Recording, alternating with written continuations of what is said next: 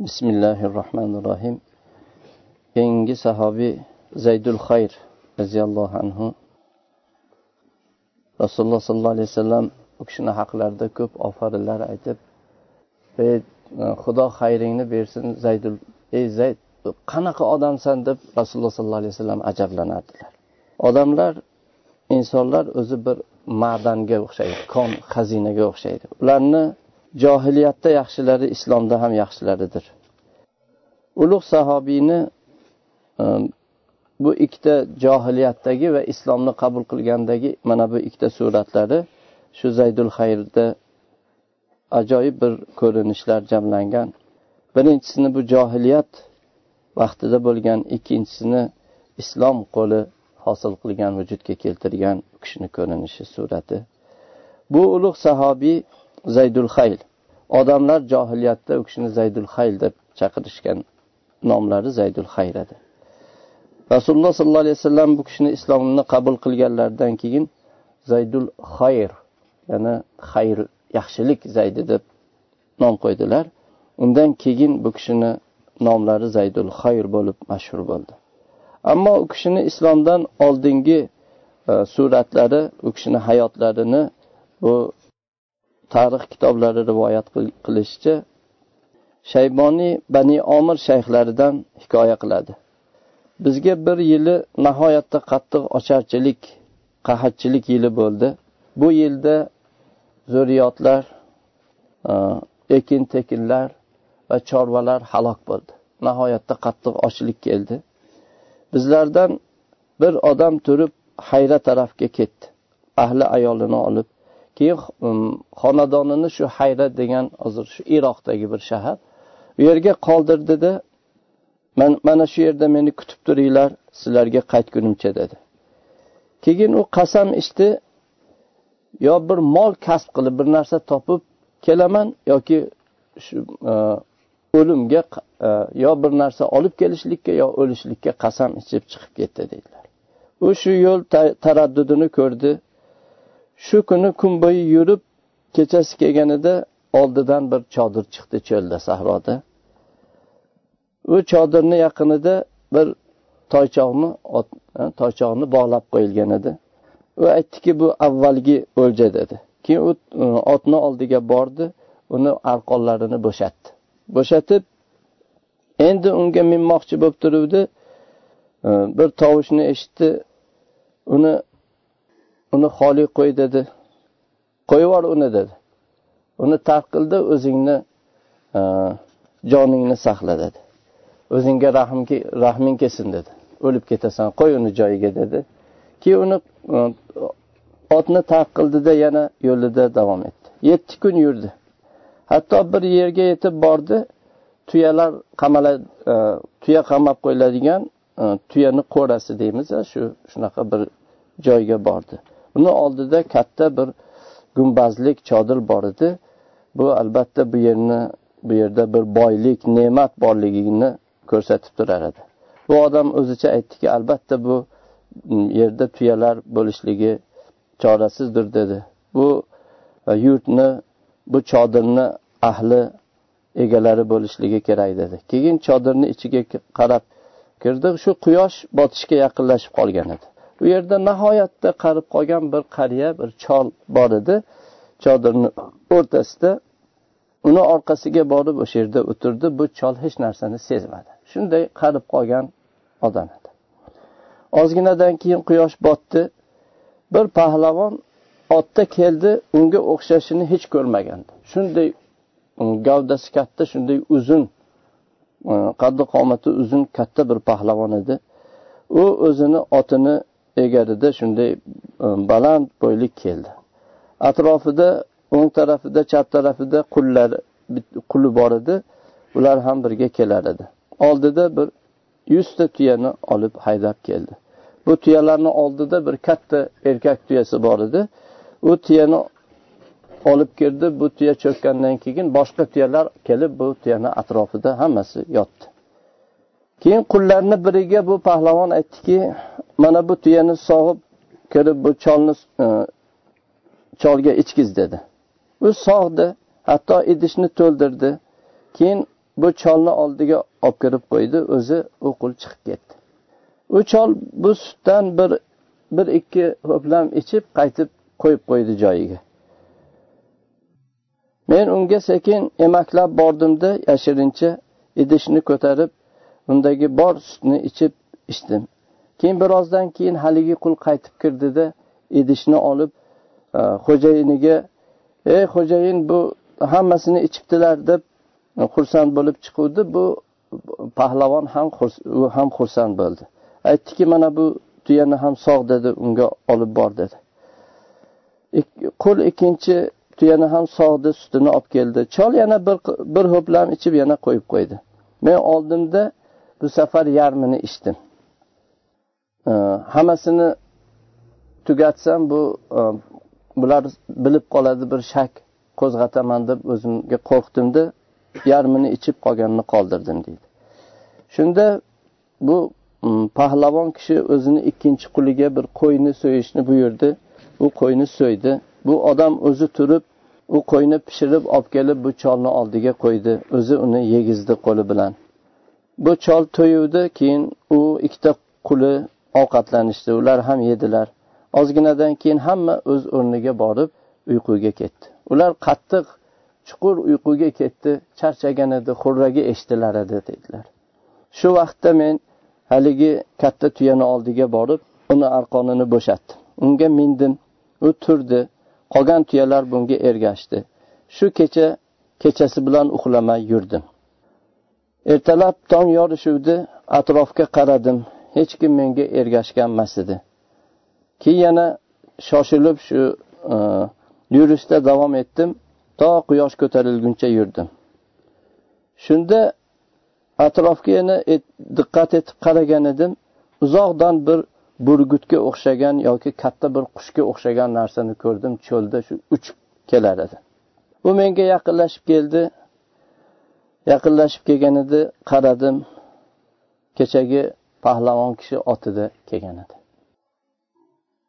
Menga qarab keldi bu bildimki tuyalarini orqasidan qidirib chiqibdi.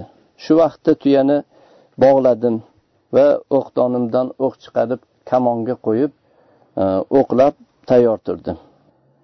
Tuya orqamda edi. U otliq mendan uzoqroqda to'xtadi. Tuyani bo'shat dedi. E, aytdim yo'q bo'shatmayman. Men orqamda och qolgan hayrada ayollarni tashlab kelganman. Bola chaqam bor. Men ularga qasam ichganman. E, bir mol bir narsa bilan qaytishlikka yo bir narsa topolmasam o'laman deb qasam ichib chiqqanman dedi. Ha bo'lmasa sen o'lding dedi u kishi. Sen tamom o'liksan dedi. Tuyani bo'shat dedi. Qurib ketgur. Yaramas tuyani bo'shat dedi. Men bo'shatmayman dedi. Sen juda katta ketyapsan dedi holingga voy. Dedi keyin bu tuyani bog'lagan jilovidagi tugunlarni ko'rsatdi qaysinisiga otay deb men men qaysinisini xohlaganimni mendan talab qildi. Keyin men uchta tuguni bor edi shuni o'rtasidagini ko'rsatdim shunga ot dedi. U o'sha turgan joyidan otdi xuddi kelib qo'li bilan unga tiqib qo'ygandek to'g'ri shu tugunni o'rtasiga urdi deydi. Keyin ikkinchisini ko'rsatdim uni ham shunday urdi uchinchisini ham shunday qildi. Shu vaqtda men o'qimni qaytib o'qdonimga solib unga taslim bo'ldim. Menga yaqinlashib keldi qilichimni kamonimni mendan oldi. Orqamga min dedi. Men orqasiga mindim. Endi meni nima qiladi deb o'ylaysan dedi. E men ahvolim yomon dedim yomon gumon qilaman dedi. Nimaga dedi? Senga shu qilgan ishimdan senga buncha mashaqqat yetkazganimdan keyin alloh taolo seni menga shunday g'olib qilib qo'ydi dedi. Sen muhalhil bilan yana otasini aytyapti cholni oti. Muhalhil bilan birga hamtovoq bo'lib u bilan birga ovqatlangan kishini men menga bir yomonlik qiladi deb gumon qilasanmi dedi. Uni taomida sharobida sherik bo'libsan u bilan hamroh bo'lib o'tiribsan dedi. Muhalhil degan nomni eshitganimda voy sen zaydul haylmisan hali devordim deydi aytdiki ha men zaydul haylman dedi. Menga olloh rahm qilsin kun xayro asirin asr qilguvchilarni yaxshisi bo'lgin dedim. Keyin aytdiki hech qisi yo'q sanga hech narsa bo'lmaydi dedi. Keyin meni uyiga olib ketdi. Allohga qasamki bu tuyalar meniki bo'lganda hammasini senga topshirib yuborardim dedi. U pahlavon kishi zaydul hay lekin bu meni singlimni tuyasi dedi. Sen bu yerda bir qancha kun sabr qilib turgin men bir joyga urush qilmoqchiman. Orada bir odamlar bilan shu urushadigan e, odamlar bor. Ularga urush qilsam u yerda g'animat olaman dedi. Shu gapidan uch kun o'tdi. Bani numay qabilasiga u jang boshladi. Yuztaga yaqin tuya ulardan g'animat oldi. Ularga g'alaba ham qildi yuztacha tuyani g'animat ham oldi. Keyin bu tuyalarni hammasini menga berdi.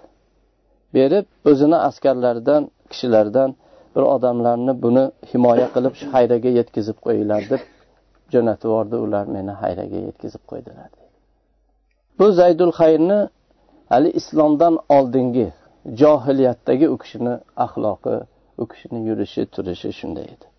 Ammo u kishini islomdagi surati bu siyrat kitoblarida bayon qilinadiki payg'ambar payg'ambar sollallohu alayhi vasallamni xabarlarini zaydul xayr eshitdilar. U kishiga ham u kishi xabarlari yetib borib rasululloh sollallohu alayhi vasallamni da'vatlaridan bu kishi voqif bo'ldilar.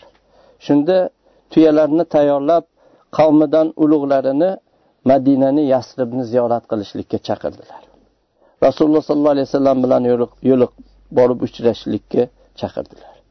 U kishi bilan birga juda ko'pchilik toy qabilasidan madinaga qarab ketishdi. Ularni ichida ularni ulug'laridan zarrubn sadus molik ibn jubayr omir ibn juvayn va boshqa boshqalar bor edi. Ular madinaga yetib borgan vaqtda to'g'ri Э, masjidi nabaviyga э, yo'l olishdi. Borib masjidni eshigini oldida tuyalarni cho'ktirib cho'ktirdi. Shu bu vaqt rasululloh sollallohu alayhi vasallam minbar ustida musulmonlarga xutba qilayotgan vaqtga to'g'ri keldi. Rasululloh sollallohu alayhi vasallam masjidda xutba qilib turgan vaqtlarida bular masjidga kirib kelishdi. Rasululloh sollallohu alayhi vasallamni so'zlari bularni qo'rqitdi. Musulmonlar rasululloh sollallohu alayhi vasallamga shunday bog'langanliklari rasululloh sollallohu alayhi vasallamga quloq solib turishlari va u zotni so'zlari bilan ta'sirlanib turganliklari ularni juda dahshatga soldi. Rasululloh sollallohu alayhi vasallam bularni e, xutbada turib musulmonlarga xutba o'qib turib bularni ko'rganlarida men sizlarni uzzolaringizdan yaxshiman. Men sizlar ibodat qilayotgan ma'budiylardan yaxshiman. Ollohni qo'yib sizlar ibodat qilayotgan bu qora tuyanglardan men yaxshiman deb yana xutbada shunday bayon qildilar. Rasululloh sollallohu alayhi vasallamni so'zlari zaydul xayl bu kelgan zaydul xayl va u kishi bilan birga bo'lganlarga ikki xil ta'sir qildi. Ba'zilari bu haqni qabul qildi shu haqqa qarab yurdi haqqa intildi. Ba'zilari haqdan yuz o'girdi va haqqa kibr qildi. Bir toifa jannatga bir toifa jahannamga yo'l olishdi. Zurrubni sadus rasululloh sallallohu alayhi vasallamni bunday ajoyib o'rinlarida butun mo'min qalblar u kishiga intilib turganligini ko'rib mehribon ko'zlar u kishini shunday qarab tikilib turganligini ko'rib uni qalbiga hasad kirdi bu turishdan va qalbiga bir qo'rquv keldi. Bu meni ham bosib oladi dedi meni ham o'ziga qaratib oladi keyin atrofidagilarga aytdiki men bir kishini ko'ryapmanki butun arablarni bo'yniga ega bo'ladi dedi. Allohga qasamki bu meni bo'ynimga ega bo'lishiga men yo'l qo'y hech qachon yo'l qo'ymayman dedi. Keyin shom sharaf shom shaharlariga qarab jo'nab ketdi borib sochini qirib nasroniy diniga kirib ketdi. Ammo zayd va zayd bilan qolganlar boshqalar ularni boshqacha bir holatlari bo'ldi. Rasululloh sollallohu alayhi vasallam xutbalaridan xutbalarni tugatgandan keyin zaydul hayl musulmonlar jamoasini oldida turdi. U nihoyatda chiroyli qaddi qomati yuzi ham chiroyli kishi edi. Turib yana shunaqangi gavdalik bo'yi navcha odam ediki e, otga minsa boshqalar eshakda turganga o'xshash oyog'i yerga yaqin turar edi. Shunaqa katta e, jasadlari jussalari katta kishi edi. O'zini shu baland qomati bilan turib bu o'zini yangragan baland tovushida ey muhammad dedi. Ashhadu an la ilaha illalloh va annaka rasululloh dedi. Men guvohlik beramanki ollohdan boshqa haq ma'bud yo'q. Guvohlik beramanki albatta siz ollohni payg'ambarisiz deb kalima keltirdi. Musulmon bo'ldi. Rasululloh sollallohu alayhi vasallam unga qarab siz kimsiz? dedilar. Men zaydul zaydubnul muhalhilman dedi. Zaydul xaylman dedi. Rasululloh sollallohu alayhi vasallam bal anta zaydul xayr balki sen yaxshi zaydsan zaydul xayrsan dedilar. Zaydul xayl emassan dedilar. Seni bu cho'lingdan tog'laringdan keltirgan va qalbingni islomga yumshatgan allohga hamd bo'lsin dedilar. Mana shundan keyin bu zaydul xayl zaydul xayr bo'lib mashhur bo'ldilar. Rasululloh sollallohu alayhi vasallam uylariga olib ketdilar. Umar ibn hattob yana sahobalardan bir jamoa bor edilar. Uylariga yetganda rasululloh sollallohu alayhi vasallam zaydga bir e, yostiqni berdilar. Bu zaydga juda e, og'ir bo'ldi. Ya'ni rasululloh sollallohu alayhi vasallamni oldilarida usyanib suyanib o'tirishi bu yostiqni rasululloh sollallohu alayhi vasallamga qaytardi. Bu shu uch marta bu rasululloh sollallohu alayhi vasallam berdilar u qaytardi bu uch marta takror bo'lib keyin o'rtada qoldi. Hammalari o'tirib joylashgandan keyin rasululloh sollallohu alayhi vasallam zaydul xayrga qarab aytdilarki ey zayd menga qaysi bir insonni sifatlangan bo'lsa keyin u bilan uchrashsam shu menga aytilgandan oz chiqdi. Ya'ni ozgina mubolag'a bilan menga sifatlanardi. Ozgina orada qolib ketibdi ey zayd dedilar sen unday chiqmading. Ya'ni seni qanday sifatlangan bo'lsa undan ortiq chiqding dedilar. Menga aytilgandan ham ortiq ortiq ekansan dedilar. Ey zayd qanday bo'lding dedilar. Shunda zayd aytdilarki men yaxshilikni yaxshilik ahlini yaxshi ko'radigan bo'ldim. Yaxshilikka amal qiladigan kishini yaxshi ko'radigan bo'ldim. Men yaxshilikka amal qilsam uni savobiga qat'iy iymon keltirardim. Agar yaxshilik qo'limdan ketgan bo'lsa unga endi bir muhabbat shu yaxshilikni yaxshi ko'rardim dedi. Rasululloh sollallohu alayhi vasallam bu alloh taolo o'zi iroda qilgan kishilarda bo'ladigan ollohni alomatidir dedilar. Zayd roziyallohu anhu olloh meni o'zi xohlagan rasuli xohlagan bu ishda qilgan ollohga hamd bo'lsin dedilar. Keyin nabiy sallallohu alayhi vasallamga qarab aytdilarki ya rasululloh menga uch yuzta otliq uch yuzta shu otliq jangchilardan bering men sizga shu rum shaharlarini bosib ularga g'olib bo'lishlikka men kafilman dedi. Uch yuz kishini bering borib jang qilib ularni bosib olaman dedi. Rasululloh sollallohu alayhi vasallam bu kishini bu himmatidan takbir aytdilar. Allohu akbar dedilar. Aytdilarki ey zayd olloh xayringni bersin. Siz qanday bir e, mard kishisiz dedilar. Keyin zayd bilan birga bo'lgan sheriklari qavmlaridan hammalari islomni qabul qilishdi. Zayd va zayd bilan birga bo'lganlar diyorlariga najd viloyatidagi joylariga qaytishni maqsad qilgan vaqtlarida nabiy sollallohu alayhi vasallam ular bilan vidolashib xayrlashib turib ayyu rajulin hada? Bu qanday bir kishi deb qo'ydilar. Agar bu madina vabolaridan salomat qolganda buni islomda juda bir ulug' ishlar bo'lardi deb qo'ydilar. Madina munavvarada shu vaqtda qattiq bir bezgak vabosi bor edi. Zayd ertalab zaydul xayr turganda shu bezgak bilan musibatlangan edi kasallangan edi. Atrofdagi kishilarga aytdilarki meni bu qays ya'ni rumlarning shaharidan uzoq tutinglar.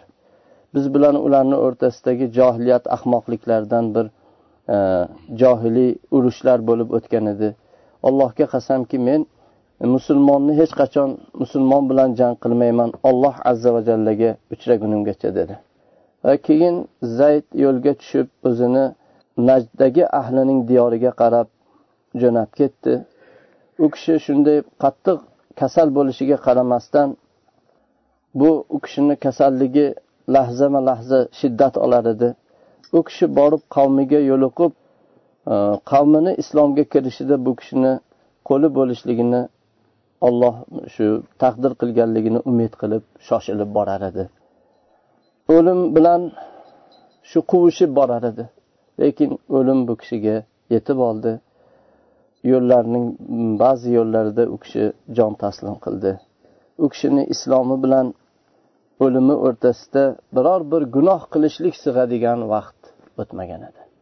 Ya'ni rasululloh sollallohu alayhi vasallamni hadislarida al islom yajubbu ma qoblahu islom o'zidan oldingi gunohlarni hammasini kechiradi. undan keyin islomni qabul qilib toza bo'lganlaridan keyin to o'limlarigacha hech bir gunoh qiladigan vaqt sig'magan bir yashadilar alloh taolo rozi bo'lsin allohdan ular rozi bo'lsinlar alloh subhanava taolo hammalarni rahmat qilsin سبحانك اللهم بحمدك أشهد أن لا إله إلا أنت أستغفرك وأتوب إليك والسلام عليكم ورحمة الله وبركاته